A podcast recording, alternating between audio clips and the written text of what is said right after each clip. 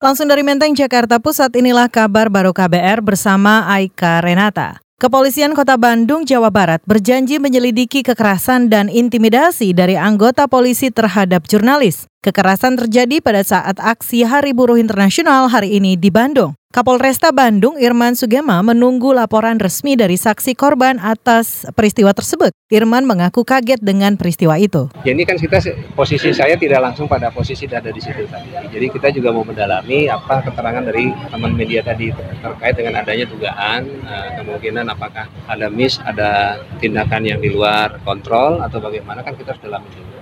Saudara itu tadi Kapolres Kota Bandung Irman Sugema. Dua jurnalis Iqbal Kusuma Direza dan Prima Mulia mengalami kekerasan fisik dan verbal saat meliput aksi Hari Buruh Internasional di Bandung. Kekerasan terjadi setelah mereka meliput keributan antara anggota kepolisian dengan pengunjuk rasa. Reza mengalami luka memar pada kaki kanan sedangkan Prima Mulia mengaku disekap tiga anggota polisi. Polisi juga menghapus rekaman foto dan video di kamera dua jurnalis tersebut. Saudara kita beralih aksi May Day atau peringatan Hari Buruh Sedunia di Surabaya, Jawa Timur berakhir ricuh. Polisi menangkap dua orang pendemo dalam aksi demonstrasi di depan gedung Gerahadi hari ini. Beberapa anggota polisi terlihat membawa dua orang pendemo ke Mapolrestabes Surabaya. Melihat rekannya diamankan, saudara beberapa peserta aksi yang terdiri dari gabungan buruh dan mahasiswa terlihat tidak terima. Mereka meminta agar rekannya tersebut dibebaskan ya sekarang kan permasalahannya apa gitu loh. Ini koordinasi sama atas serikat mau masuk barisan kok nggak boleh? Ya Allah Surabaya makin represif aja polisinya ya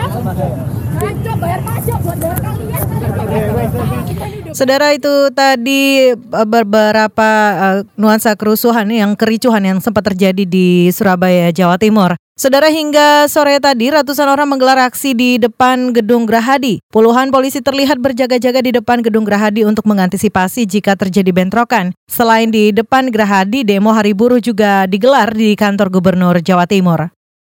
Kita beralih, Saudara Kementerian Ketenagakerjaan mengklaim sudah banyak melakukan perbaikan untuk mengakomodasi para buruh. Kepala Subdirektorat Bidang Pengupahan di Kementerian Tenaga Kerja FX Watratan menyatakan hal tersebut tertuang lewat beberapa peraturan turunan yang dikeluarkan oleh kementerian. Ia mencontohkan peraturan Menteri Tenaga Kerja soal struktur dan skala upah, Peraturan itu dianggap dapat meminimalkan konflik soal kenaikan upah. Semua permen-permen turunan, misalnya nih terkait dengan tunjangan hari raya sekarang kan sudah ada sanksi denda. Kemudian terkait dengan kewajiban untuk menyusun skala upah. Artinya kewajiban itu kan apa meminimalisir apa konflik ketika ada perundingan terkait kenaikan kenaikan upah khusus untuk pekerja di atas satu tahun. Pejabat Kementerian Tenaga Kerja Bidang Pengupahan FX Watraman menambahkan bahwa Kementerian mendukung revisi peraturan pemerintah PP nomor 78 tahun 2015 tentang pengupahan, asalkan peraturan itu tidak merugikan salah satu pihak, baik buruh ataupun pengusaha. Ia berharap peraturan itu nantinya bisa mengatur tentang pengupahan dengan lebih baik dan menguntungkan pengusaha serta buruh.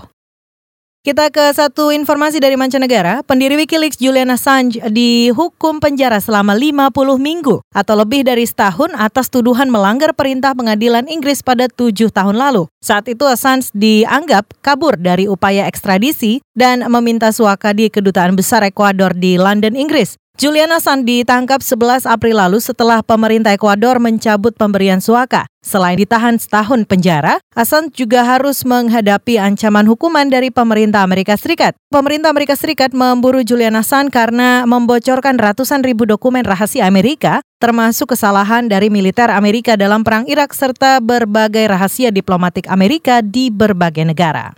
Demikian kabar baru dari kantor Berita Radio KBR, saya Aika Renata.